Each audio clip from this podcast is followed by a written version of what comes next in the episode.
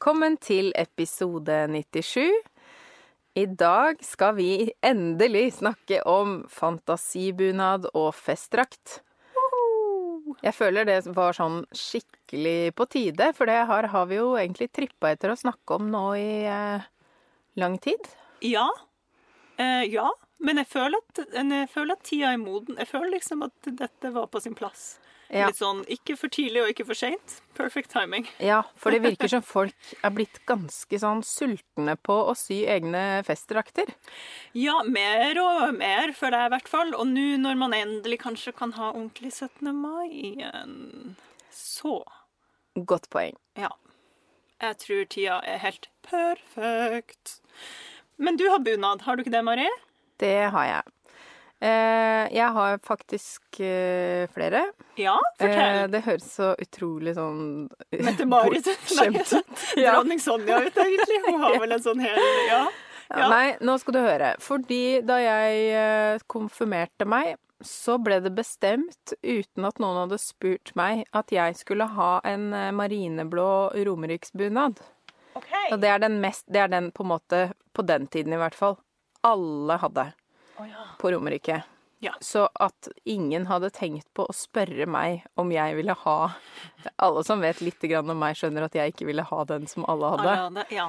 Eh, så den er Men så er jo den da laget av min kjære farmor, som er liksom sånn eh, mitt eh, store forbilde i livet. ja. Ja, så den ble aldri montert. Fordi jeg var en dust. På- oh, Da jeg ble konfirmert, så ville jeg bare ha på meg trønderbunaden til søsteren min. OK. Eh, fordi hun hadde allerede to bunader. Eh, så hun brukte jo sin eh, romeriksbunad okay. mest. Og ville ikke ha trønderbunad. Og hun ville ha den. Hun var jo eldst, da, så hun ville jo gjerne ha de to hun Ja, hadde, okay. ikke sant? Ja, ja. Men jeg hadde null, Ja. og, men fikk da sydd til meg en bunad jeg ikke ville ha. Sånn Hør på familiedrama. det! Hør på den bortskjemte gjengen. Ja, ja. Ja, men dette her var, dette var ungdomsskolen. Ja. Eh, men så etter hvert så er det jo blitt sånn at mamma har da eh, funnet ut at hun ikke gidder å prøve å passe inn i en bunad som er for liten. Mhm. Eh, sånn at nå er den som jeg da har lånt av min søster i alle år, den er blitt min, fordi det er meg den passer til. Ah. Eh, og den har passa perfekt i alle år, inntil mine slunkne pupper, som jeg jo egentlig er veldig fornøyd med at har blitt så slunkne. Ja, Akkurat, eh, men akkurat ikke på 17. mai, fordi da må du fylle Det- ut bunaden. Ja, og Ja. den ser veldig trist ut over brystet nå. Eh, så nå har jeg begynt å føle at kanskje jeg vil sy meg en festdrakt, da. Ja. For det, noen andre kan jo fylle ut det puppestellet seinere. ja, ikke sant? Sånn, ja. Du tenker at eh, du ikke vil justere den, Jeg vil ikke si sy om den, for den Nei. er da Stoffene er vevd av mormor, og, Ja. og det er jo Selv om da denne andre er sydd og brodert av mitt store forbilde farmor, mm. så er jo da den her vevd og montert og brodert og alt av mitt andre store forbilde mormor. Ja, ikke sant? Og Jeg siden jeg da er trønder i blodet, og veldig, det er jo liksom mitt andre hjem, og der bor jeg ikke, så Mm. er jo liksom trøndermiddagen litt ekstra, ikke sant? Men du, kan vi spole litt tilbake, Mm. for Romerike, den ble aldri montert, sa du? Eller har den blitt montert? Romeriksbunaden er fortsatt ikke montert. Nei, den sånn at ligger bare i det, biter. og om det da blir til Adas konfirmasjon Ja. Men jeg skal jo sørge for å spørre henne, da. ja, ikke sant? Om hun har... Og vi er jo litt i samme situasjon med henne og hennes fantasibunad nå, men det skal jeg komme tilbake til litt Ja. seinere. Ja. Eh, så ja, så det er det. Og i Mhm. tillegg så eier jeg en bunad som Det er en barnebunad som før i tiden het, hvis jeg ikke tar helt feil, Norgesbunaden eller noe sånt. Men den oh. ligner på det som i dag heter hardangerbunad. OK. Og den ble brodert av min oldefar da han hadde spanskesyken. Å, kjære venn. Og den er Så altså flott. så nydelig og litt sånn møllspist, men den planlegger jeg da å reparere og montere til Ada Ja. når hun liksom nærmer seg riktig ja. størrelse for den. Gud. Ja, den er sånn en skikkelig skatt, og han var en så morsom skrue, han eh, oldefar som broderte den også. Morsomt. Ja, så det er min bunadhistorie. Ja, kult. Jeg må jo si at uh, trønderbunaden, det er en av mine favoritter. Mm. Og, vet, og eh, det får mange liksom bakoversveiser. For jeg, jeg har skjønt at mange ikke liker den av en eller annen, eh, for meg helt mystisk grunn. For jeg syns den er så flott. Den er jo litt bondsk, så kanskje det er derfor. Eh, men, men også er det jo da fordi det er jo Sør-Trøndelag og Nord-Trøndelag. Jeg har Sør-Trøndelag, da. Men du har den brokadevesten med litt sånn tunga, på en måte. Ja. Det er den jeg liker, skjønner du. Ja. Ja. Ja, jeg ja, jeg elsker den, jeg også. Eh, For meg er jo den liksom Men den betyr jo veldig mye for meg, selvfølgelig. Ja. Eh, og så liker jeg den i egentlig alle fargene. Fargepaletten. Det er sånn min fargepalett som er brukt Ja, ja, sant? bunadene. Men hvor mange forskjellige kommer den i? Eh, den er jo eh, i hvert fall de utgavene jeg kjenner best, da, som er liksom i min omgangskrets. Da Ja. er det jo stort sett varianter av den samme. Det er eh, for eksempel da min eh, Min er jo sånn rustrød Ja. vest, og så har jeg grønne strømper til. Ja. Og det er også det jeg elsker. At det er liksom knallgrønn strømpehose. strømpe. Ja. eh, og så har jo tanta mi motsatt. Ja. Nei, unnskyld. Hun har blå. Med Ja, røde det- kanter og røde strømper. Ja, for det har jeg også sett. Ja. Og så fins det grønn, at man Ja. kan ha grønn variasjon. Ja. Ja. Mm. Det er vel de vanligste, og så fins jo den sikkert også i en million varianter, og så har det sikkert kommet mange nye typer. Det kan jo godt hende. Eh, og så har jeg egentlig Merker jeg nå som jeg For jeg er jo gift inn i eh, Sarpsborg-familie. mm. Og egentlig så ligner den eh, vesten til eh, bunaden der ligner ganske mye på ja. Så jeg har begynt å blande de fargepalettene litt grann sammen også. Eh, men den har jo ikke de der knæsjedetaljene, da, som er det jeg liker best med trønderbunaden. Ikke sant. Mm. Ja, gøy. Ja, det er gøy. Artig, artig. Ja. Og det, og, eh, det er jo viktig å påpeke i denne episoden at det handler jo egentlig ikke om ekte bunader i Nei. denne episoden her. Men det her er jo en slags på en måte veien Intro. inn, da, for det er jo til de som ikke har egen bunad, eller har behov for Ja. vanlig bunad. Men har du det egentlig? Nei. Nei. Jeg har ikke bunad, og det er jo på grunn av mine røtter, eller min Fordi jeg er fra Russland, ikke sant. Så det har egentlig aldri føltes naturlig å få meg bunad. Det blir liksom feil.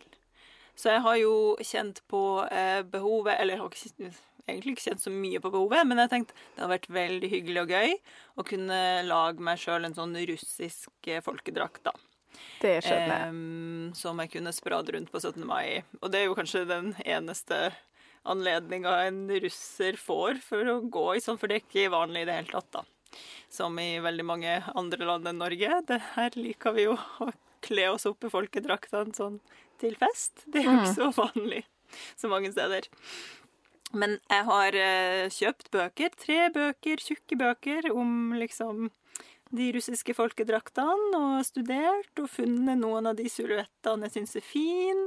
Og så kan jeg jo shoppe litt. Det blir jo litt som en fest- eller fantasidrakt, det her, da. Mm. For det, det er ikke sånn bestemte mm, geografiske tilknytninger her. Det er veldig mye som går igjen og om hverandre, og det handler vel egentlig mer om status, altså hvor rik man var, hva man hadde og ikke hadde. Eh, Så jeg kan jo bare liksom drive og Jeg føler da i hvert fall at jeg kan tillate meg å shoppe litt og velge det jeg bare syns er finest. Ja. Og det er jo det som er så gøy med festdrakt. Det er jo det, Ja. det, er jo det som er litt artig. ikke sant? Man kan lage sin egen, sin egen eh, ja, realitet. Men jeg tror jo også, fordi nå skal ikke vi snakke for mye om bunad, vi skal ha en egen episode om det etter hvert. Ja. Eh, Men jeg føler jo òg at det er i litt sånn Egentlig i litt sånn bunadsånd. At man At man At det ikke er så fast, da. At det egentlig ikke er noen regler. Man skal bare føle seg fin og, og frem det flotteste man har, ikke sant? Ja. Eh, og så ble det jo mye mer sånn regelgjort i Norge på Ja. et tidspunkt. Og det ble liksom de her ulike bunadene, og de skulle være sånn og sånn, og så kom bunadspolitiet, og så gikk all moroa ut av det. Nei da. Ja. ja, egentlig er det litt rart, fordi at når man snakker med sånn som eh, Karianne Pedersen, som jobber med uh, de tingene på Folkemuseet, Ja. hun er jo veldig sånn Alt er lov, Ja, egentlig, egentlig, fra gammelt av. Mm. Eh, så man må liksom ha det litt i bakhodet at det der bunadspolitiopplegget, det er egentlig bare noen surpumper som har bestemt seg for å bestemme over andre. Liksom. Ja, Ja. eh, og det trenger man ikke å bry seg om. Og i hvert fall ikke hvis man lager seg en fantasistakk, da, tenker jeg. Nei, det er jo det som er så gøy. Ja. Og, eh, og tradisjonen fra bunad, som er den viktigste å ta med seg inn i, inn i fantasibunad og festdrakt, det er jo det her eh, prinsippet. Vis frem det fineste man har, og mix og match, eller mix og mismatch om du vil. For jeg syns jo det er noe av det morsomste med bunad, at det er sånn Å ja, der hadde du det litt spesielle skaut, ja. Til den, til den skjorta der. Flott. De passa jo egentlig ikke spesielt godt sammen, men de, det er to planter som kunne stått ved siden av hverandre i et blomsterbed, og da går det greit. Det er Ja. liksom, alt er veldig sånn eh, Oppleves jo veldig tilfeldig, Ja. og det elsker jo jeg. Jeg syns òg det er helt flott. Og det, det, det jeg syns er flottest med det, er jo ikke sant, det her historiske. At plutselig så arver man en eller annen vill silke eh, som, som liksom jeg vet ikke, ble gifta inn og et eller annet sånn obskur historie med det stoffbiten som plutselig havna i familien. Selvfølgelig skal du bruke den da! Det er jo Ja. ikke noe det, Om den ikke passer til stakken, det gir Nei. vel jeg en god slant i. Den Ja. her skal på. Da blir det skaut ja, eller det veske skaut. eller bærestykke eller Oh yes, Ja. frem med det. Det Ja. syns jeg er helt nydelig. Ja, helt enig. OK, men har du sydd bunad, Mari? Eh, jeg har ikke sydd ekte bunad. Nei? Jeg har sydd mange fantasibunader. Ja, du har det? Ja, og det er jo det morsomme med å ha barn. Ja. Eh, det er det som ikke er så morsomt lenger, når barnet plutselig er sånn Æsj! Jeg vil ikke ha det. Altså bare oh. Jeg har brukt ganske mye tid på denne her. Du Å ja, du vil heller ha den drittkjolen fra Som er noen syntetiske greier som vi har arva, eller altså, Og da må man jo bare sånn OK. Det er greit. Det er ditt valg. Uh, men jeg, ja, jeg har jo sydd uh, tre stykker, tror jeg, til Ada. Ja. Eh, også litt Jeg har også sydd litt sånn diverse gaver og sånn tidligere, da. Det Ja. som er veldig hyggelig, er at de setter jo gjerne litt mer pris på det, de som er utenfor familien. Ikke sant? Ja. Ja. Mm. Dessverre. Men, vel, vel. Men det er jo fint. Ja. Men da har du på en måte altså ren fantasi, kjørt på med, med dine egne greier. Ja. Ja. Og da bruker jeg gjerne noen broderier jeg har funnet på loppis, og Ja. kanskje en duk som hadde en flekk på et uheldig sted eller noe, men med noen fine broderier. Eh, til skjorta. Og så Det er jo det jeg elsker, at man kan ta bare sånn morsomme detaljer som man har liggende. Jeg har jo en kasse med broderier fra loppis som jeg bare ikke klarer å gi fra meg. Og Ja. sånne ødelagte sånne bitte små sånne eh, brikker som man liksom hadde før på bordet. Ja, ja, ja. Eh, Hekla-brikker eller blondebrikker eller broderi. Mm. Altså, det er så mye fine sånne ting som bare Vi bruker det jo ikke i dag.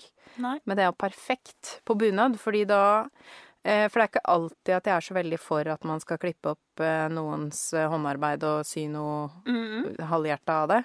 Men akkurat i eh, denne her festdraktsammenhengen, Ja. Da er det jo liksom Tenk å da ta et arvestykke som du vet at det her, denne duken blir ikke satt pris på, men nå kan det bli skjorte som igjen da kan gå i arv. Det, Det syns jeg er ganske vakkert, da. Det er veldig flott. Det er jeg helt enig i. Ja, så jeg venter jo egentlig bare på at eh, noen vil at jeg skal sy en igjen. Og kanskje det blir til meg selv. det vet jeg ikke.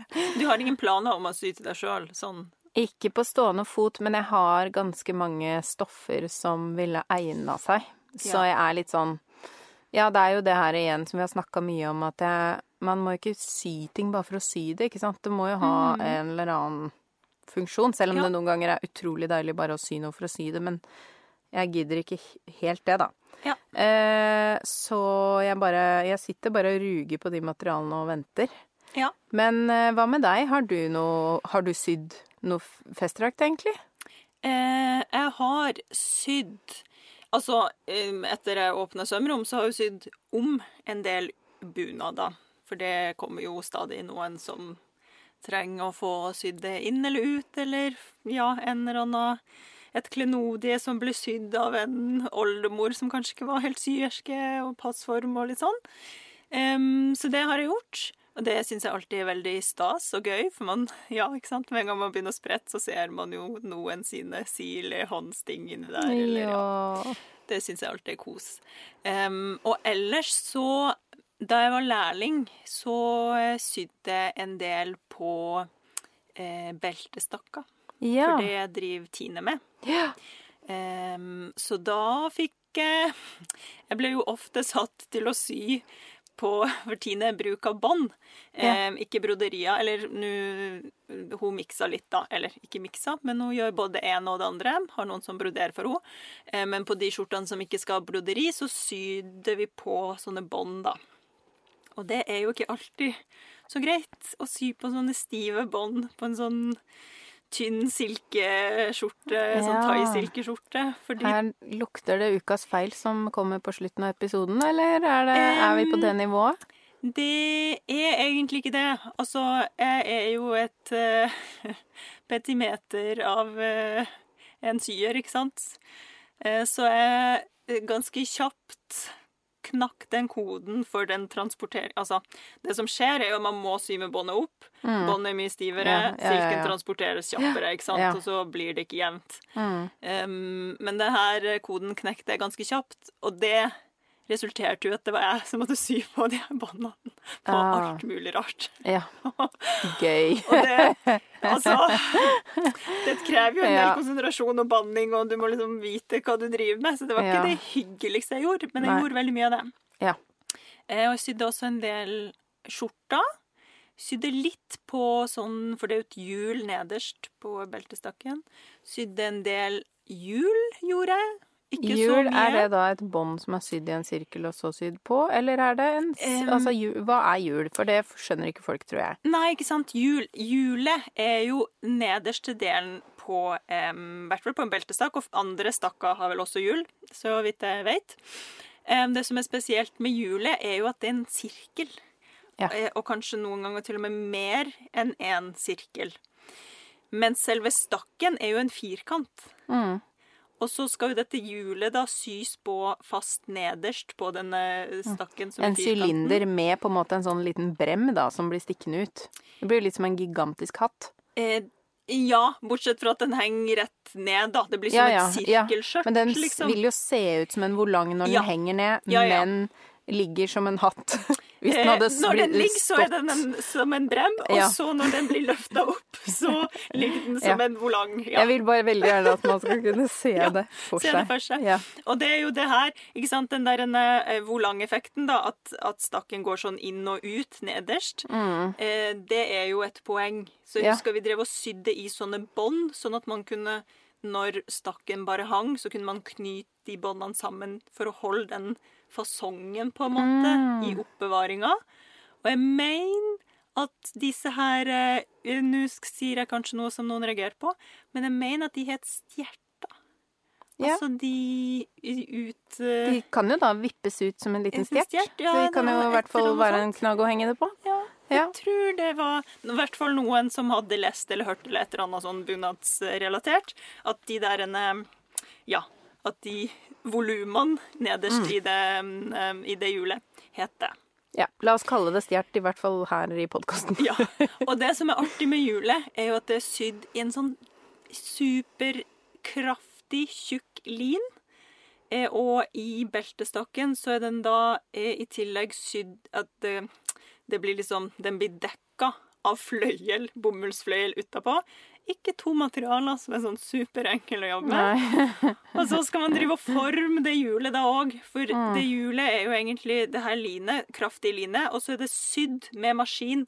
Sånn som du elsker å bruke opp uh, under spolene dine, vet du, Mari. Ja. Sånn at du bare syr og syr og syr. Sånn syr. frem og tilbake. Ja, sånn er det sydd. Rundt og rundt og rundt og rundt. For å stive av hjulet. Ja. Sånn at det får den Som, altså, som sånne sånn, stikninger, parallelle stikninger, Ja. hele veien. Hele veien. Ja. Tett i tett i tett i tett. På hele den saken. Altså, det, jeg vet ikke om jeg ville elska akkurat det. Den, jeg tror vi fikk hjulene ferdig, så vidt jeg huska. De var liksom ferdig sydd, men vi måtte drive og, Mm, ja. og dra de i form, inn, sånn at de ble liksom helt brem, da. Ja, for da var de jo kjempemyke. Eh, nei, stive. Stive, Og så skulle de mykes sånn at de fikk det fine fallet. Eh, ja, både og. Det, var, det viktigste var egentlig å få de helt sånn flat på gulvet. Ja. Og kontrollmål da diameteren og alt det der, altså omkretsen, mener jeg. Og Ja. at- Og at stakken fikk plass inni der. òg. ja, Ja, det er en jobb. Det var mye jobb. ja. Eh, Men det som fascinerte meg mest med disse her hjulene, er at vi fikk det jo ferdig sydd med maskinsøm. Men sannelig tror jeg at den der avstivinga ble gjort for hånd i gamle dager. Ja, ja. ja, det må den ha blitt. Det må blitt. jo ha blitt. Ja. Og jeg bare, det sprenger hodet mitt. Jeg skjønner ikke at eh, det er mulig, men eh, bunad er Mm. eh, Også når eh, dronninga av håndsøm eh, reagerer på det. Ja, Altså, det eh, Bare å sy gjennom det tjukke linet, det, det, liksom, det er jo en bragd å få sydd det hjulet. Ja. Not for me. Ah, nei, Eh. så, men jul hadde ikke så mye med, heldigvis. Nei. Eh, eller heldigvis, det er sikkert gøy, det. Men det jeg syns var det morsomste, som jeg fikk gjort bare sånn et par ganger, det var å sy piperynker i stakken. Ja, det er Åh. koselig. Og så blir det sånn Det er veldig deilig med den repetisjonen. At det Ja. ligger sånn pent bortover. Ja, og at de liksom rynkene blir helt jevne og fine og ligger attmed hverandre som et lite orgel. Åh. Mm, ja. Ja. Men da går det jo selvfølgelig sport i meg òg, da, vet du. Eller jeg må jo selvfølgelig Kan ikke bare gjøre noe. Jeg må jo teste liksom Hvor lang tid bruker jeg på tre meter piperynke? Som så sånn stoppeklokke. med sånn- ja. sånn runde OK. Mm.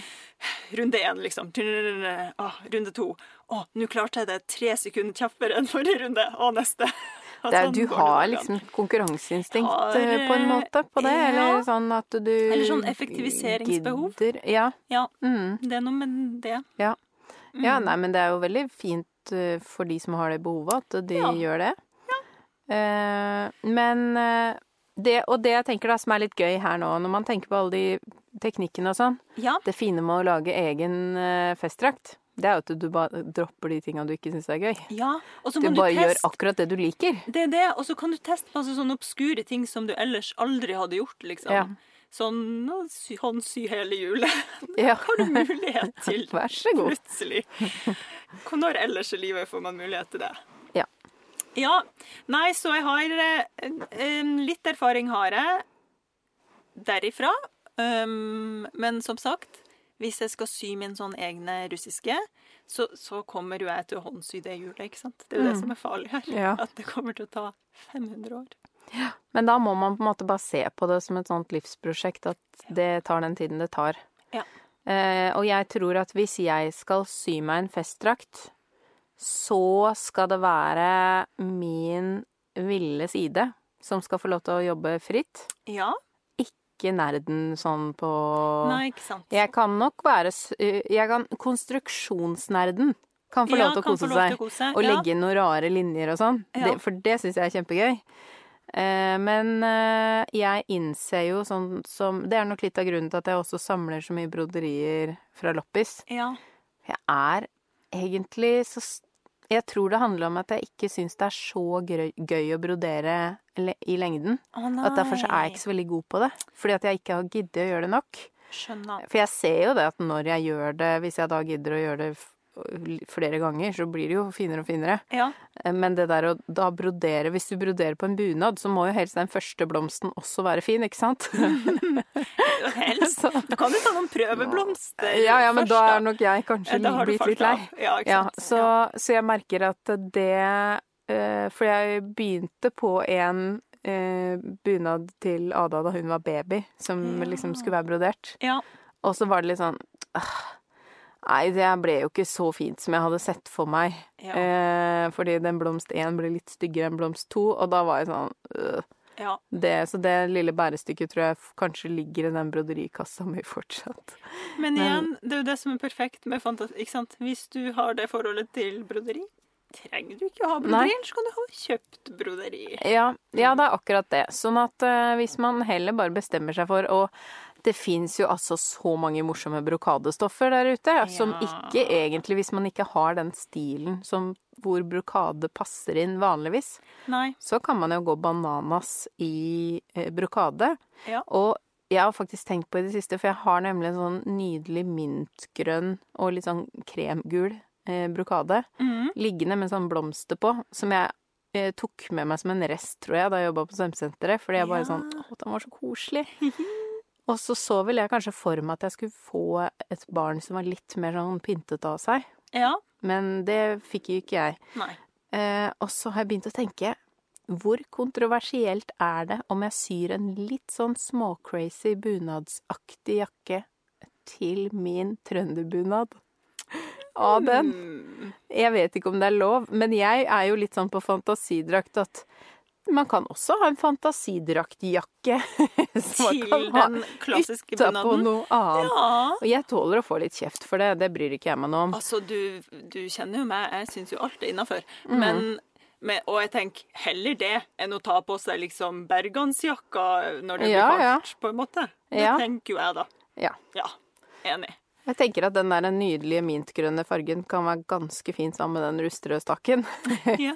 så så det, eh, det kommer vi tilbake til. Men kanskje det blir basen for eh, et liv, da, hvis jeg skulle laget en eh, festdrakt. Men, men det, er jo, det er jo noe med at eh, noen vil kanskje lage en festdrakt som er på en måte akkurat det, en festdrakt. Ja. Mens andre vil kanskje lage mer sånn sin tolkning av en bunad som er innenfor en sånn rolig, nydelig fargepalett. Som er bare Ja. sånn sin stil, ikke sant? Men med det snittet Mm. eh, som en bunad vanligvis har. Ja. Og, så vi må jo snakke litt om snitt. Det må vi.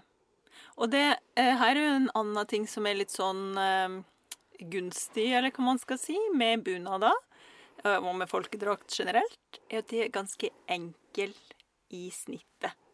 Altså, det er mye firkanta mønsterdeler, og ting ble jo ikke sant, Man skulle bruke opp stoffene, så sånn tradisjonelt sett så er det jo der det kommer fra. Eh, og ganske løs i fasong, altså i hvert fall skjortene og sånt. Livene blir jo mer kroppsnær. Eh, og så er jo det meste av formgivinga gjennom legg og rynker og disse her tradisjonelle piperynkene og ja, legg og alt sånt. Så jeg føler jo at det er litt sånn nybegynnervennlig, det her. Jeg tror kanskje at nybegynnere, når de ser en festdrakt eller en sånn fantasistak, at de får liksom og at sånn gud, det ser så liksom forseggjort ut'. Og det gjør det jo. Men det er jo ikke nødvendigvis sømtekniske som er forseggjort her. Det er jo alt kombinasjon av farger og alle disse her båndene og alt sånt. Ja. Det er jo det som liksom løfter hele antrekket. Ja. Men selve sømteknikken er egentlig ganske overkommelig for alle, føler jeg, da. Ja. Jeg er eh, helt enig, og kanskje det som krever aller mest, er bare selve tilpasningen av det livet. Livet. Det trenger jo, og det som er fint, er jo at det skal jo ikke være ermer på det livet. Mhm. Så det løser jo ganske mye. Eh, og så er det jo Ja, så er det jo litt sånn hvor livet er, om man har mer denne babydoll-varianten, eller beltestakk, da, som det antageligvis egentlig kanskje heter. Det som har liksom en sånn bånd øverst, og så er det sånn fri Ja, teltfasong videre. Nei, beltestakken har liv og belte. Og den sitter i livet, den, ja. For det Ja. har jeg nemlig alltid lurt på. For Ja. jeg kan ikke så mye om bunad. Det må Nei, jeg bare innrømme med en gang. Beltestakk Ja. har liv, og det er jo det der vevde beltet, da. Som er sånn Ja, brikkevevd ja, ja. med belte. Som er, det er vel derfor den Ja. heter beltestakk, regner jeg med. For det beltet er en Ja. viktig del. Ja, jeg ser, fordi at det her er den mer babydoll-aktige som jeg ser for meg, den er jo sånn bare at det beltet ligger oppå puppene. Ja, ikke sant. Og så er Men det sånn er det- rett ut. Det er vel et, eh, ja, et smalere bånd. Altså dette beltet er jo sånn. Ja, så bredt. veldig bredt. Ja. Ja. Og Ja. mange ganger og strammes inn og Ja. pakkes sånn fra oversida Ja. og undersida. Ja. Som et lite korsett minus pupper. På en måte. Ja. Ja. Mm. Mm. Eh, ja, så Så det er jo veldig mange veier inn til hvordan det livet skal se ut. ja. Eh, men jeg tenker at vi må jo en liten tur til ukas eh, sponsor før vi snakker mer om det, selve dette konstruksjonsmessige rundt. Absolutt. Er du enig? Jeg er helt enig. Ja. Ja. For nå har vi jo eh, tross alt kasta ut eh, fiskesnøret her for å få folk litt gira på å sy seg en festdrakt eller en fantasistakk, eller kall det hva man vil. Og da fins det jo et lite mekka hvor man kan få tak i både stoffer og bånd og alt som er, for å få satt dette i hop. ja. Eh, Rainbow Tekstil, de har jo eh, det man kan drømme om eh, av stoffer i ulike kvaliteter og farger, og bånd. Altså, du kan gå fullstendig bananas i ja, både, både bu, tradisjonelle bunadstekstiler eh, til mer fantasifulle eh, la oss kalle det kreative varianter. Absolutt. Jeg stikker jo innom Rainbow eh, både titt og ofte, jeg. Eh, for å få tak i tekstiler og alt som er. Og da blir jo alltid veldig dratt mot de her båndene spesielt. For det er så fargerikt mye av det. Og ja, nå har vi jo snakka om farger og, og, eh, mye av dette før, men det er liksom sånn Finner du ikke et bånd som passer der, da finner du ikke et bånd som passer, føler jeg. Det jeg blir mest uh, trukket mot uh, der, det er jo selvfølgelig alle de nydelige silkebrokadene. Fordi uh, altså der finner man jo alle mulige varianter. Om du vil ha en litt sånn streit tofarga brokade, kanskje til og med ensfarga, så fins det. Og hvis ikke, så er det en verden av morsomme varianter, så jeg kan stå med lange blikk bort fra det jeg egentlig har kommet for å se på, og over på den brokadehylla, Ja. eh, for å si det sånn. ja. Selv om jeg kanskje egentlig da kom for litt streit skjortelin, ja.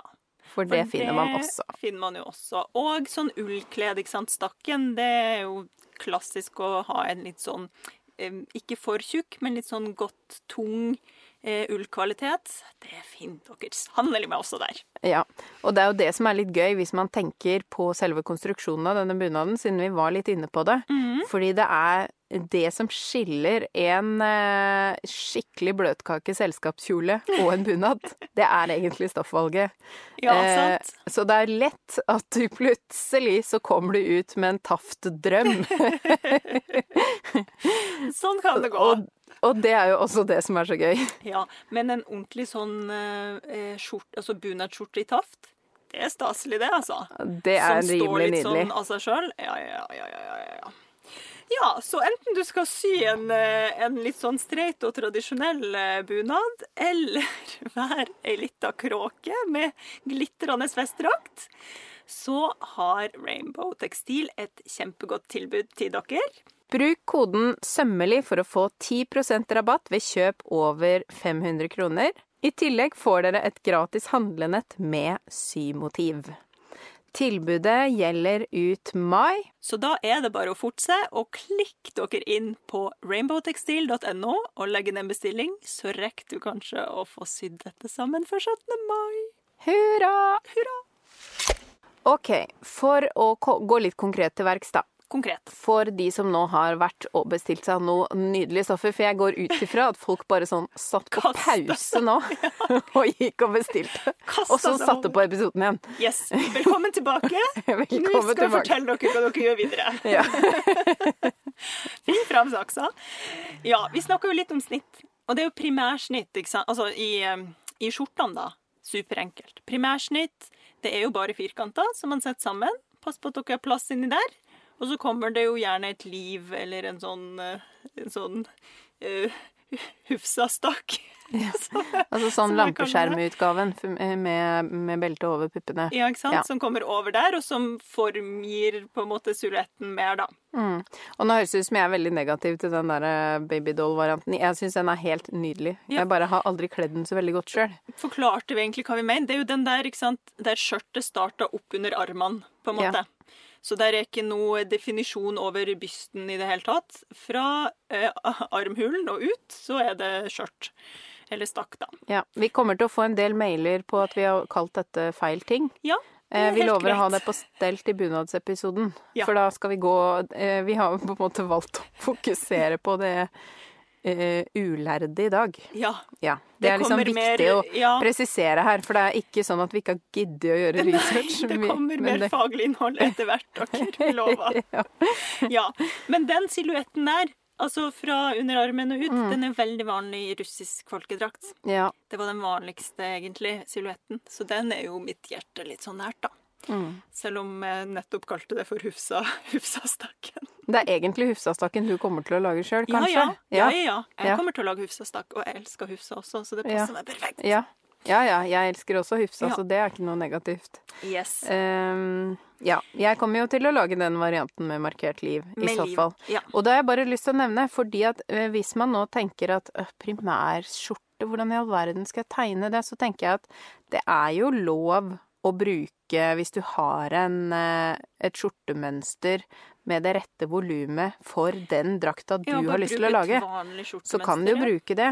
Og nå som det har vært så hipt med ballongermer en stund, så er jo Yes. eh, ballongermer og en eller annen slags krageløsning eh, et ganske godt utgangspunkt for en bunadsskjorte. Ja, det vil jeg si. Fordi det volumet man skaper med primærsnitt, er jo, det er jo annerledes enn sånn ballongermevolum.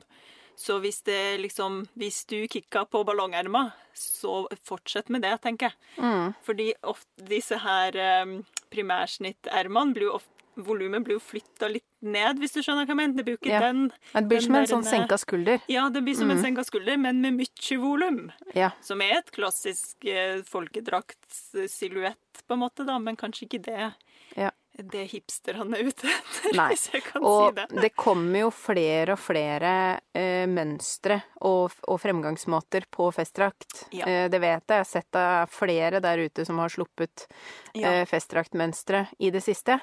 Men i prinsippet, da, til egentlig både til skjorte, men også til selve det livet, så går det jo an å bruke en tilpassa grunnform man har. Mm. Til skjorta da så trenger man mer ledighet, selvfølgelig, og vi, gjerne litt vide ermene. Mm. Eh, og til livet så trenger man jo da litt større ermehull og dypere åpning. Ja. Eh, men den skal jo være litt sånn spytta spøtta på, gjerne.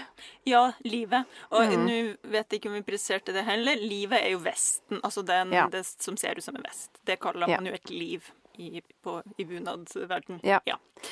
Em, ja, og det der med, med eh, skjorta og liv, og når du sa at den gjerne er litt sånn utringa, der kan man jo tenke litt på hva skal man ha i halsen. Ja. Ikke sant? Det er jo vanlig med skjerf eller store søljer og sånt.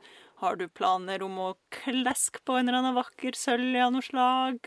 Tenk liksom Tenk helhet, tror jeg, fra start av. Det her er kanskje Ja, kanskje ikke, men kanskje lurt å planlegge litt, i hvert fall. Eller så kan Ja. man jo la det stå til i prosessen òg, da.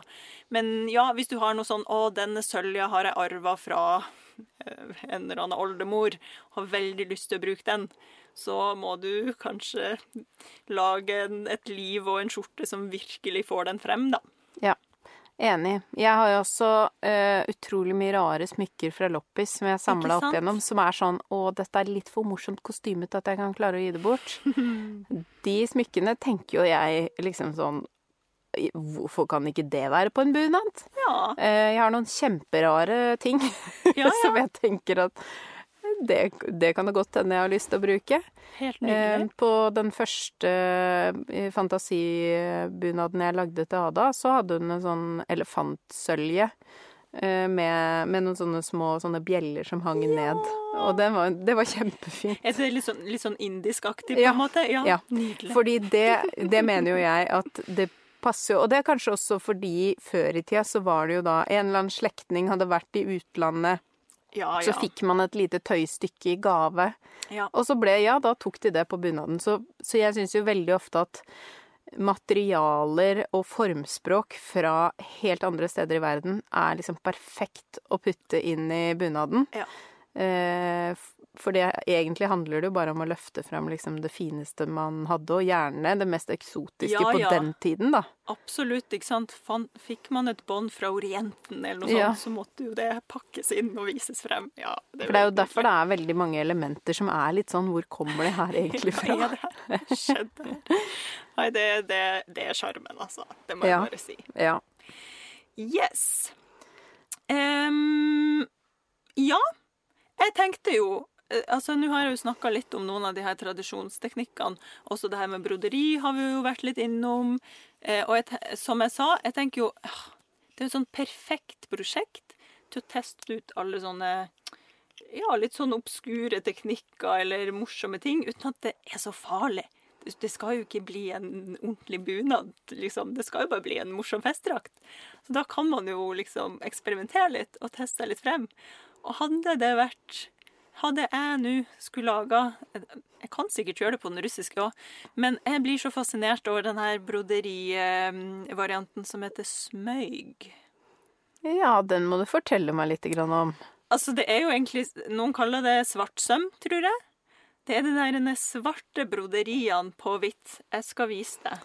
Ja, jeg tror jeg vet eh, hva du mener. Det er litt sånn eh, rutenettaktig noen ganger, og litt sånn stjerne... Ja. Det ser ut som en Ja. vegg i Marokko, ikke sant? Mm, Det er jo helt nydelig. mm. Det hadde jeg kasta meg over. Noen av elementene er litt sånn hardangersømmaktig, bare at det er svart og hvitt. Ja. Ja. Og, og, og jeg tror man jo, at måten man broderer det her på, er litt sånn omstendelig. Jeg tror det er liksom sånn sting på sting på sting på sting, uten at jeg helt har satt meg inn i det her da. Eh, men det hadde jo jeg gjort. Jeg hadde Ja. jo satt meg noe innmari inn i smøg. Ja. Hvis jeg skulle Du hadde vel kanskje putta på noen nupireller på den kragen også, eller? Ja, ja, ja. ja, Ja. Jo, jeg føler dette er jo litt sånn samme gata som nupireller. Og også for jeg tror, hvis jeg ikke tar helt feil, at jeg har sett det her på nært hold, at det er sånn veldig tynn tråd som på en måte nesten er sånn knyta av sånne bitte små stjerner, uten at jeg egentlig vet. ja, det er veldig, Men det er sånn veldig sånn tynt og Ja. Ja. Tynn, tynn tråd. mm. Eh, så det ser jo nesten ut som det egentlig er vevd inn, da. Bare Ja. at man har sydd Ja. det inn. Ja. Mm. Nudely. Enig. Eh, og det er jo altså så mye gøy man kan gjøre. Så, sånn sett, i et annet liv, så kunne man jo kanskje bare jobba med det på heltid. Ja.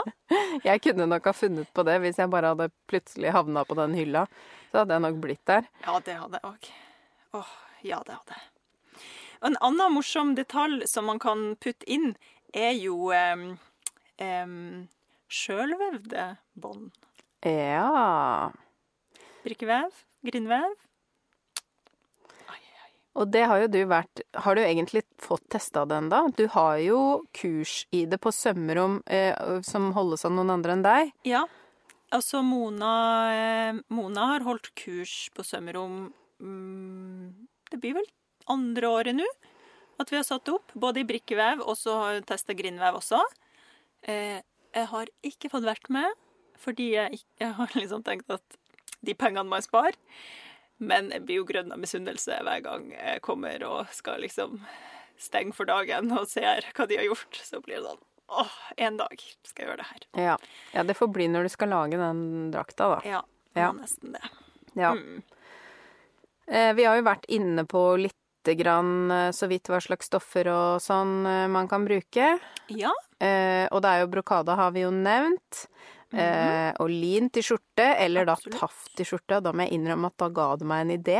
Fordi Ja. som et lite apropos til kapsel, da jeg sorterte gjennom klærne mine i forhold til denne kapselgreia, Ja. så har jeg nemlig en skjorte som ble sydd til plagg som passer perfekt. I en sånn silketaft. Ja. Og den er helt nydelig. Rutete gul og hvit. Ja. Eh, med ballongermer. Perfekt. Men jeg bruker den ikke fordi den er litt sånn litt for stiv. Det er så mange anledninger hvor den ikke helt passer, for den lager også veldig mye lyd. Ja. 17. mai. Perfekt. Og så har jeg begynt å tenke Å, tenk! Den kunne jeg faktisk hatt inni en bunad. Absolutely. Ja. Ja, ja, ja. ja Fortsettelse følger. Ja, følger. Fortsettelse Men det Ja, så ikke glem eh, selskapsstoffavdelingen på skjorta. Det er eh, Nei. absolutt muligheter der. Mye å hente. Og jeg tenker òg, ikke mm, personlig, da, så tenker jeg at skjorta må ikke være ensfarga. Nei, Den kan være ikke. Eller Ja. ja. hva som helst. Og det har jo kommet så mange nydelige det er jo, Nå husker jo jeg selvfølgelig ikke navnet på den, eh, den produsenten av eh, festdrakt, men det er jo en som er veldig populær nå, som har sånn Du kan velge alle mulige skjorter, Ja. alle mulige liv, alle mulige stakker. ja. Masse fine farger. Vet du hvilken jeg mener? Em, jeg tror kanskje Det her, vet du hva, det her skal vi finne sånn at vi kan si i ukas innspo Ja. hva den heter. Fordi For da kjente jeg var litt sånn Oi, oi, oi. Og de, noen av de rosene som ofte da er på de, det er liksom Jeg får litt sånn russiske vibber også. Det kan være. Jeg syns det er ganske mange fellestrekk mellom den estetikken på norske bunader og russiske Det er mye som går igjen, ja. Ja. Mm, absolutt. Em, og nå tar jeg en eh, råsjans og spør deg er det Eva Lie sine Ja, det Ja, det ja. er Ja, men da, da, Da det Ja, da kom det et lite innspo-drypp her nå. Innspo på, eh, i forkant Ja, av innspoen. ja, Ja, ja. Nei da, det er masse inspirasjon å hente her. Ja, for Veldig der mye. er det jo også så mye nydelige farger og Ja. Jeg, jeg føler jo også at mye av denne festdrakttrenden kan jo ha oppstått Absolutt. eh, litt sånn sammen med at de har kommet. ja, ja, ja. Eh, for da har folk sett ah, det fins andre ting, og så begynt å sy Mm, litt sånn, hjemme. Og så, Hvor er, oi, hvor ja. er bunaden din fra? Nei, det er ikke en bunad. Ja, det er en ja. fantasistak. Oh, Så det kom, alt kommer jo litt sånn fra alle kanter, ikke sant? Men, Ja. men jeg tror absolutt at den har vært med på den eh, bølgen. Ja, og det, jeg tror det er fra Eva Lie at jeg har sett et bilde som jeg bare tenker sånn Å, herregud, det her er gøy. Der det liksom um, Det blir jo på en måte kanskje litt mer sånn streit og stilrent. Men samtidig ikke. Hele saken, altså både skjorta og livet og stakken og alt, var på en måte i én farge. Eller sånn én Ja, som Bare- monokrom bunad. Ja. Ja. Men med litt detaljer, da, kanskje noen bånd som var sort, eller et eller annet sånt. Men bare sånn Åh, det bare Det talte til meg. Ja. Det ser ut som du har dyppa hele dama i liksom sånn lavendelmaling, men fordi det er forskjellige teksturer og kanskje litt sånn eh, toneforskjell i noen av de materialene, så bare ble det sånn åh, åh. åh. Det er det som er Det er derfor festdrakt og fantasibunad som konsept er så gøy. Fordi alle kan få noe som passer til dem. Ja.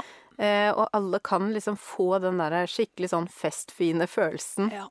Eh, uten at det blir uh, he Altså hvis man syns det der med identitet og bunad er litt sånn vanskelig. Uh, og ikke minst dyrt. For det er jo liksom ikke alle som har den Det er jo et privilegium at vi har bunader i familien, for eksempel. Det er Ja, jo liksom sant? ikke akkurat noe man bare har. Nei. Um, men en annen ting, sånn apropos det at man kan gjøre det ganske rimelig, Mhm. Og vi liker jo at ting er eh, bærekraftig i tillegg, Ja. så eh, festdrakt er jo det perfekte gjenbruksprosjektet. Hvis man da Absolutt. tar seg god tid og samler opp skatter over, over mange år, så blir det Ja. jo liksom noe litt ekstra òg, da. Ja, det tenker jeg. Og ikke sant, igjen, kanskje er det bare det ene stoffet, og så sper du på med liksom andre, men, eh, men å finne noe som kanskje er litt sånn unikt, det er Mhm. vel litt av greia her også. Ja. At man ikke har den samme bunaden som alle andre fra Bodø. Alle i Bodø har nordlandsbunad. Nei da, Ja, den er veldig fin, da. den er veldig fin. ja. Men det er jo liksom 17. mai i Bodø er artig. Alle går rundt i nordlandsbunad. ja. ja, sånn er det. Eller i hvert fall før var det sånn på Eidsvoll òg. Alle hadde romeriksbunad. Ikke sant? Eh, og eh, en annen ting som jeg ikke sa med den duken tidligere, Ja. for det er jo hvis man da har en duk man ikke har så lyst til å klippe i, og den heller ikke er nok til en hel skjorte, ja, forkle. Det er jo, du trenger jo omtrent ikke å klippe i den engang. da er den klar. Da er det bare å litt forsiktig sy på et bånd eh, til beltet, og så kan man da bruke det, den duken litt forsiktig som forkle. Ja, absolutt. Veldig smart. Ja, vi har gitt dere tips om stoffer og snitt og mm. innspo hit og dit. Hva mer har vi på hjertet da, Mari? Nei, vi må vel eh, prøve oss på en liten feil, hvis vi har. Ja, la meg tenke. Mm. Mm. Jo, og vet du hva, det er jo nesten eh, Ja. Det er jo en tra tragedie, egentlig, ikke en feil. Men ja, back in the day, da jeg var lærling og vi sydde disse her eh, eh, beltestakkene, så var jo jeg på sånn skjorteduty ofte. Jeg liker jo skjortesøm. Eh, og da sydde vi skjorte i eh, thaisilke. Kritthvit thaisilke, ikke som å sy marengs. Eh, og det ble utrolig flott. Eh, men du vet, noen ganger når man tar tak i det her strykejernet, så slipper det litt sånn vann. Og, og det jeg tror det er etter den episoden her at jeg har bare fått sånn inn i ryggmargen at jeg alltid eh, skyter ut damp Mm. på sida liksom, av strykebrettet før jeg tar det på selve plagget. For her tissa jo det her gjerne da, og den, det vannet som kom ut, det var ikke bare hvitt, for å si det sånn. Nei. Det er jo det som kan skje. Og det var så irriterende, for jeg hadde sydd ferdig hele skjorta. Eh, og så fikk jeg en sånn svær, brun flekk på det ene forstykket. Ah, det måtte jo bytte hele forstykket, da, selvfølgelig. Men det var bare det at hele saken var montert med bånd og alt. Og jeg bare Og Fransen liksom. Og, jeg bare Å, det klikka det for meg. Ja. Men det var jo Det- bare å ta det ut, få inn et nytt, og aldri Aldri mer gjorde Mm. den tabben at jeg tok gjerne rett på et plagg. Ja. Veldig forståelig. Ja, så Ja. um, tenk, tenk på det, dere, når dere står Mm. og skal presse. Spesielt hvis dere har noen industrijern som, som kan samle litt vann før de skyter ut. Ut, damp igjennom før man begynner å presse. Mm. Ja. Det, min feil er på en måte litt mer sånn diffus, for jeg vet jeg har gjort mange feil, men jeg kommer ikke på noe som er så konkret. Men Ja. det er jo da å har brukt ganske mye tid før 17. mai på å lage bunad, sy ny skjorte fordi eh, den forrige var blitt for kort på ermene. ja. Bruker masse tid på å sy da en ny festdrakt i tide til 17. mai. Nei, jeg har ikke så veldig lyst til å ha på meg bunad i år, jeg. Det er Ada. Det er Ada jeg hører her. Ja. Ja. Eh, Dobbeltsjekk mottaker ja, sånn. før du bruker masse tid. gikk du i den samme fella som de foreldrene og besteforeldrene dine som ga deg den bunaden uten å høre Ja. med deg. Ja, Ja. nettopp. Nettopp. den, jeg bare understreker eh, poenget her.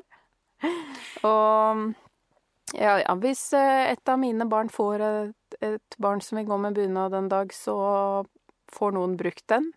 Ja. Det kan jo hende jeg får en niese som Ja. vil det, men uh, Ja, ja, ja. vi um, Akkurat nå så ligger de da For jeg er veldig sånn elsker å arve bort ting, men akkurat de er jeg litt sånn åh, Det er jo fint om noen Jeg kan se noen gå med dem, da.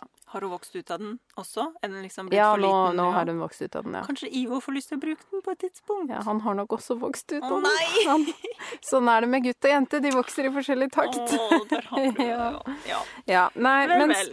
men det er bare det viktige her, at noen ganger så kan faktisk foreldre ha en veldig sånn ambisjon om sånne fantasidrakter og festdrakter fordi det er så gøy, og så har man sin egen bunad, så man er litt sånn ja ja, men til barn kan jeg gjøre det. Ja, ikke sant? Så Og så bare sånn husk at barn har egen vilje. Men kanskje det kan være en sånn innspo, da? At du kan få barnet ditt med på å komponere den her eh, kreasjonen. Ja. Det må jo bli ekstra stas, da. Ja. Både for, eh, for den lille å gå med det, fordi man har liksom vært med og valgt ut bånd og satt Mhm. sammen og sånt. Eh, men også kanskje tar av litt av ansvaret fra deg. At Ja. eh, nå får du bestemme, da må du gå i det. ja. Jeg kan jo også si at hun var jo med på å bestemme at jeg skulle sy en ny. Ja, Så hun var jo involvert her. Men, Men, det var eh, bare det at hun Det Akkurat som sin liksom- mor er det man så pent på engelsk kaller emotional dresser. Ja. Man vet jo aldri Den hvilket humør man er i den dagen. ja. Og da er det veldig kjedelig å ha brukt lang tid på en festdrakt. Det skjønner jeg. Så ja, men der er barn veldig forskjellige, og jeg vet jo veldig godt at det fins andre typer barn.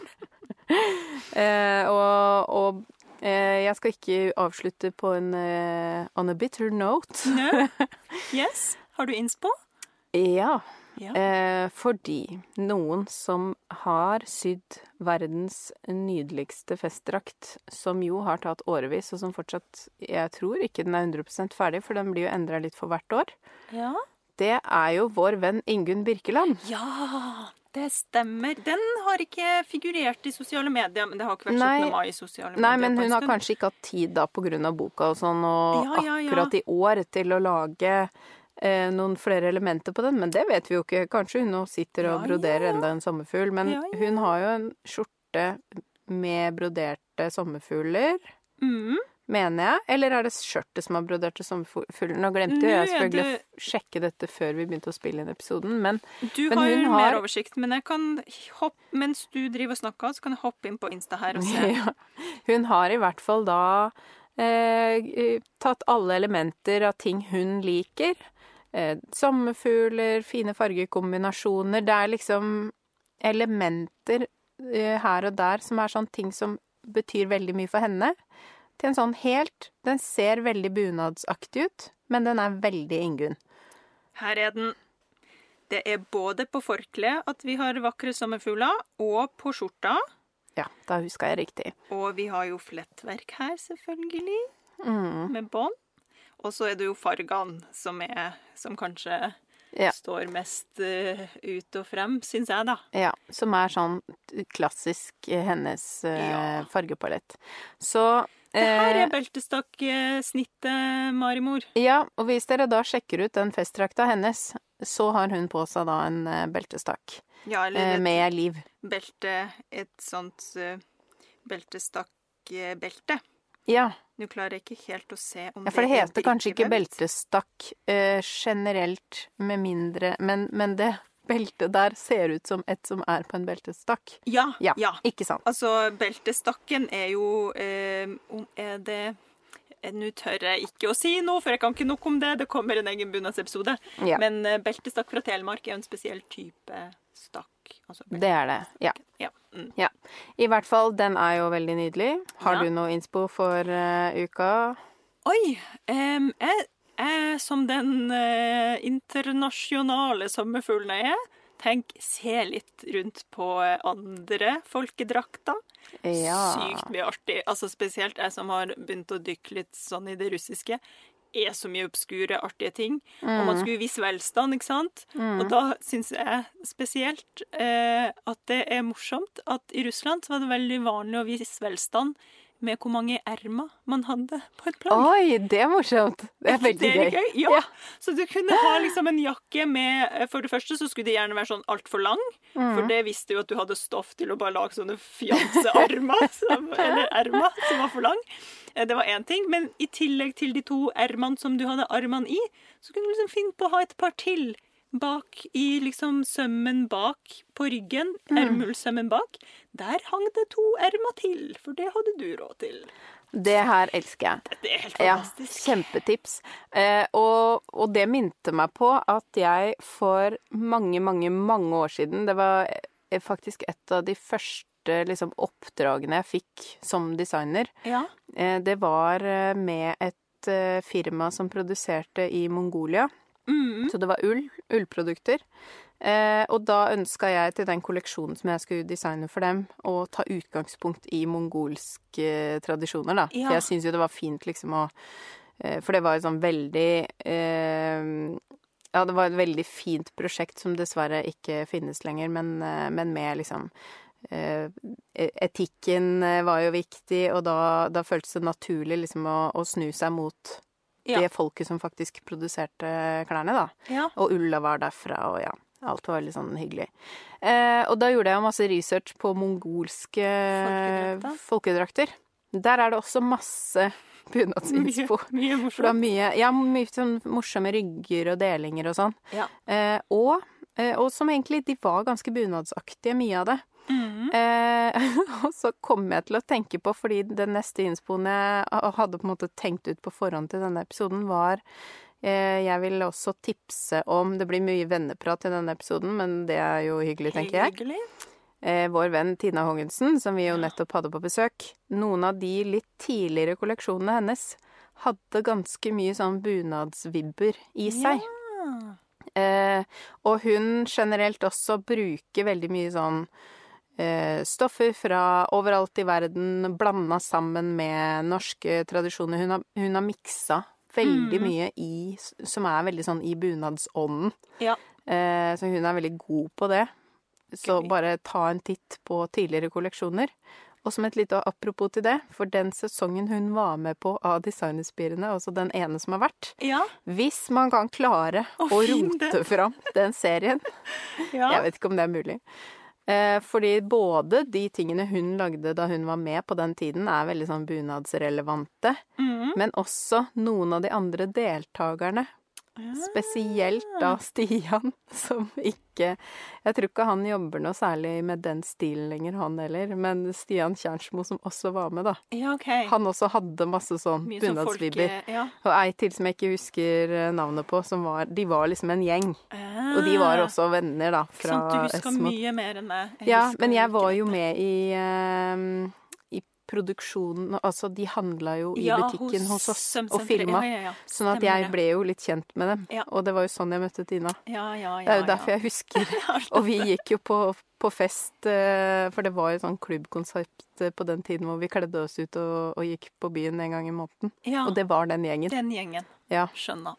Så det, det er ikke fordi jeg har så god hukommelse, for det vet folk at jeg ikke har. Men noen ting brenner seg jo liksom Ja, ja. som, ja, som Ja. man liksom husker. Men den, for jeg husker så godt at akkurat på den tida så var det liksom en god del sånn bunadsinspo.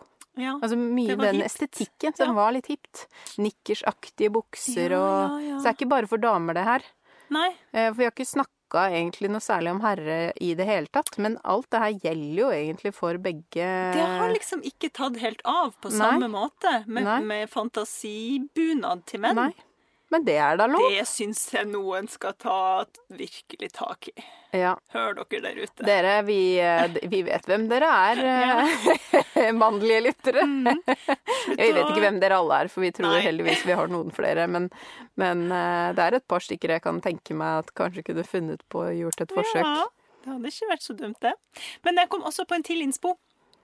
Eh, fordi ikke så vanlig i norske folkedrakter. Jo, litt vanlig hvis man skal gifte seg med sånn brudekrone. Men i Russland, der Mm. Oi, er det oi, mye ville hodeplagg. Gøy. Det. Altså bare research litt på det. Sikkert i mange Ja. andre land òg. Og jeg har sett um, Det er vel i Polen, kanskje, og eller Ukraina at det er vanlig med sånne store blomsterkransoppsatser Ja. og sånn òg. Eh, ja, der er så mye fint. Hvis man Ja. liksom Ja, søk på folkedrakt og, og hodeplagg. Gud. Ja. Gud, Gå bananas. Vær så god. Yes. ja, Er det bare å løpe til eh, symaskinen, holdt jeg på å si. Løp til tegnebordet først. Så må dere jo vente på den pakka dere får med stoff i posten. Ja. Og så er, gleder vi oss til å se Er det sømmelige eh, festdrakter, eller? Sømmelige festdrakter. Det tror jeg Ja. kanskje det. Mm. Det håper jeg at vi ser noen sømmelige festdrakter. Yes. Ja. Lykke til, og eh, god eh, fest, da. God fest! Takk for i dag. Takk for i dag. Tusen takk for at du hører på Sømmelig podkast. Og takk til Andreas Prestmo i Wildtagen Studios for lyd og klipp. Og til Synnøve Overid for den fine musikken. Liker du kaffe? Det gjør vi òg. Hopp inn på patrion.com slash sommerlig og spander en månedlig kaffekopp på oss. Patrion.com slash sommerli